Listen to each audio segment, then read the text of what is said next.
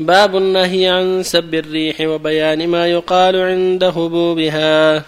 عن أبي المنذر أبي بن كعب رضي الله عنه قال قال رسول الله صلى الله عليه وسلم لا تسبوا الريح فإذا رأيتم ما تكرهون فقولوا اللهم إنا نسألك من خير هذه الريح وخير ما فيها وخير ما أمرت به.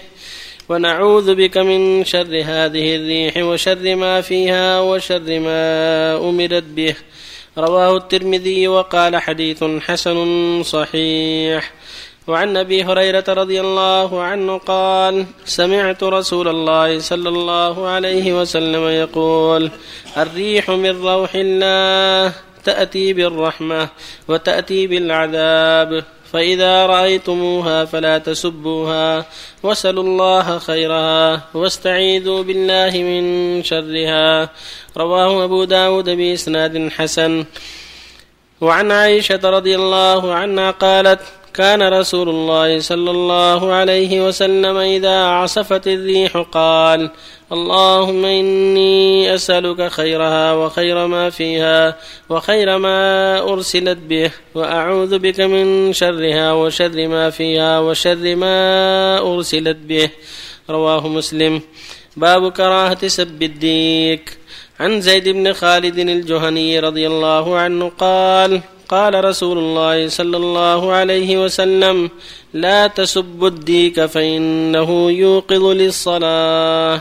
رواه أبو داود بإسناد صحيح. وبالله التوفيق صلى الله عليه وسلم.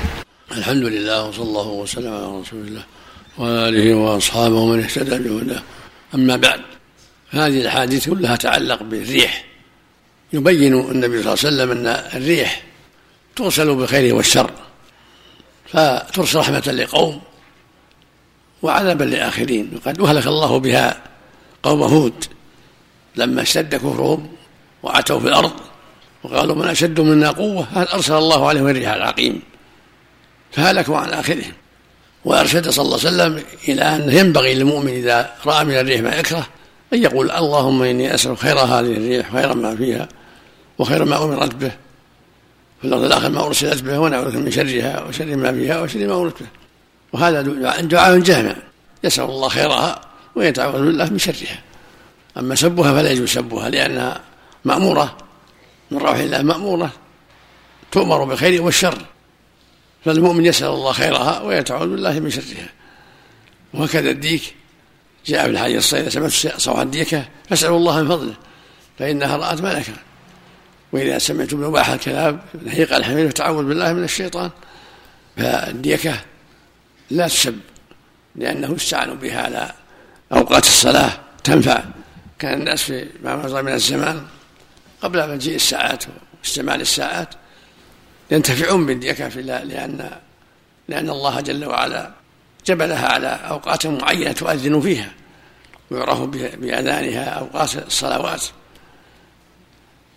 فهي من من آيات الله. فلا يجوز سبها بل إذا سمع صوتها يسأل الله الإنسان من فضله. اللهم إني أسألك من فضلك. كما يقول أعوذ بالله من الشيطان عند سماع نباح الكلاب ونهيق الحمر. وفق الله جميعا. صلى الله إليك. هل مثلا إذا صاح الديك هل مثلا بعض الناس يقول انها يمكنها رأت ملكة؟ صلى الله إليك. جاء الحديث أو جاء الحديث الصحيح أنها رأت ملكة لكن يقول أسأل الله من فضلك. ما سمعه يقول اللهم إني أسألك من فضلك ولا يسبها. أحسن الله إليك. الديك الألوان كلها أو لون معين؟ كلها. كلها.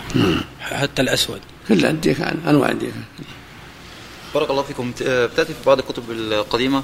قال سيدنا ومولانا الشيخ في بعض الكتب القديمة المراجعة. نجد العبارة قال تركها أحوال ترك هذا أحوال. لكن النبي صلى الله عليه وسلم لا يقول سيدي وهم لا يقول إن سيدكم الله. لا إلا المملوك يقول المملوك لا بأس. مولى لا بأس. لا يقول عبدي ولا يقول سيدي ومولاي مملوك يعني. طب إذا كان الشيخ متوفي قال نفعنا الله ببركته وبركة علومه في الدنيا والآخرة. بركة علومه ما في بأس. من بركته ما ما ما, ما يظهر فيها يعني ما يدل على أن بركة تبقى في الناس. يعني بركة علومه لئلا يتوهم. نعم. من بعد القبوس نعم. بركة علومه والشهادة لا بأس. بارك الله العالم مبارك. علوم في الدنيا والآخرة. علماء من صاحب السنة ينتهى بعلومه بالتناقل وبالكتب. أحسن الله إليك. بعض الديك إذا أكثر من الصياح. بعض الناس يقول هذا مو بصاح الديك. هذا يعتبر سب أحسن الله إليك.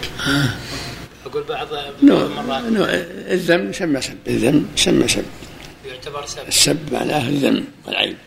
أحسن الله إليك والشيء ملعونة في القرآن هي المسبوبة الملعونة. معنى حديث أصبحوا بالصبح فإنه أعظم الرجول يعني لا تعجلوا حتى يتحقق الفجر يتضح. مثل ما كان النبي عليه الصلاة والسلام إذا اتضح الصبح صلى. الفرق بين الريح والرياح. ها؟ الفرق بين الريح والرياح حسن الله. الريح والرياح كلها. كلها سمى ريح ورياح لكن الغالب الواحدة تكون بالشر والرياح المتتابعة تكون فيها خير.